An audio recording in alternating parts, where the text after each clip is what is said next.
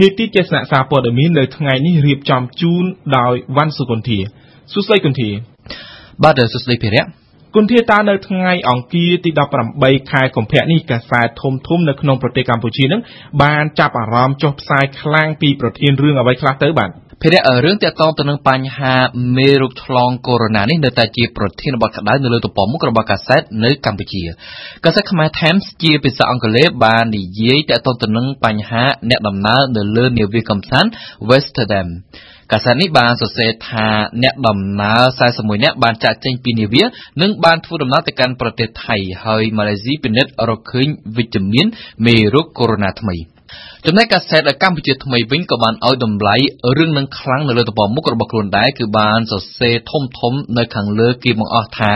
ភ្ញៀវទេសចរមកពីលើនាវា Westerdam 120នាក់ត្រូវបានអាជ្ញាធររាជធានីភ្នំពេញជូនដំណើរកំសាន្តទស្សនាតំបន់មួយចំនួននៅក្នុងរាជធានីមុនពេលពួកគេចាក់ចេញទៅកាន់ប្រទេសរបស់ខ្លួនវិញបន្ថែមពីលើរឿងនេះកាសែតកម្ពុជាថ្មីក៏បានគូបញ្ជាក់ផងដែរថាកម្ពុជាស្នើឲ្យភាគីពាក់ព័ន្ធនៅម៉ាឡេស៊ីបញ្ជាក់ពីលទ្ធផលតេស្តវិជ្ជមានទៅលើស្ត្រីជនជាតិអាមេរិកដែលមានផ្ទុកវីរុសកូវីដ -19 ថ្មី។ដោយឡែកកាសែតរស្មីកម្ពុជាវិញក៏មិនបានរំលងពីបញ្ហាមេរោគកូវីដ -19 នេះដែរភិរៈប៉ុន្តែកាសែតនេះបានចាប់អីចេះវិញថាលោកនាយករដ្ឋមន្ត្រីហ៊ុនសែនមានបំណងរៀបចំពិធីជប់លៀងជូនភ្ញៀវទេសចរដែលជាប់ក្នុងនាវា Westerdam ឲ្យស្គាល់បេះដូងមនុស្សធម៌កម្ពុជាពិតមិនតែប៉ុណ្្នឹងទេអភិរក្សកាសែតកម្ពុជាថ្មីដដែលនឹងក៏បានចាប់អារម្មណ៍ខ្លាំងផងដែរលើរឿងថាលោកនាយករដ្ឋមន្ត្រីអះអាងថាអ្នកធ្វើដំណើរជាង2000នាក់បើសម័យប្រទេសគេមិនទទួលគឺកម្ពុជានឹងបន្តមើលថែពួកគេ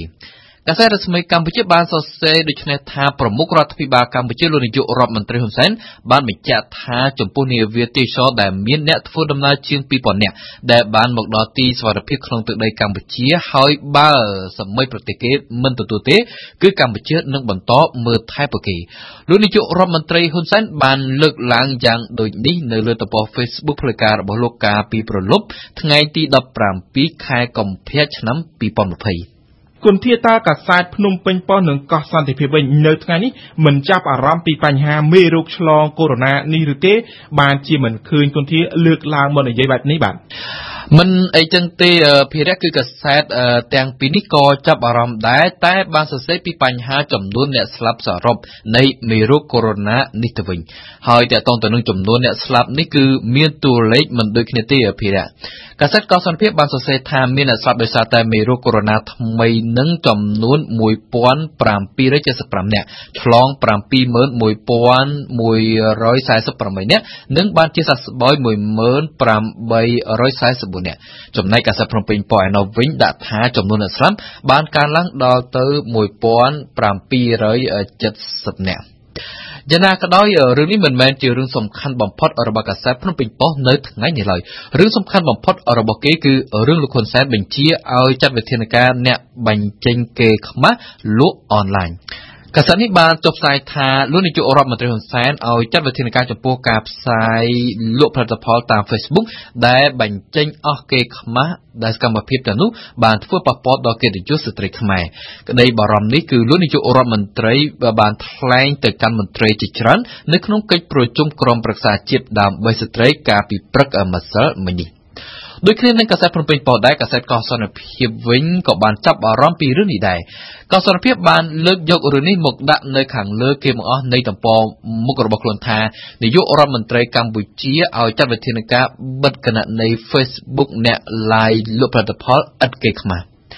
បន្ថែមពីលើរឿងនេះកាសែតក៏បានបន្តទៅចាប់អារម្មណ៍លើរឿងជួសន្តាគារកាត់ក្តីលោកនាយករដ្ឋមន្ត្រីហ៊ុនសែនឲ្យពន្លឿនបើកសវនកម្មស្ត្រីជាប់ពីរដ្ឋ20000សំណុំរឿង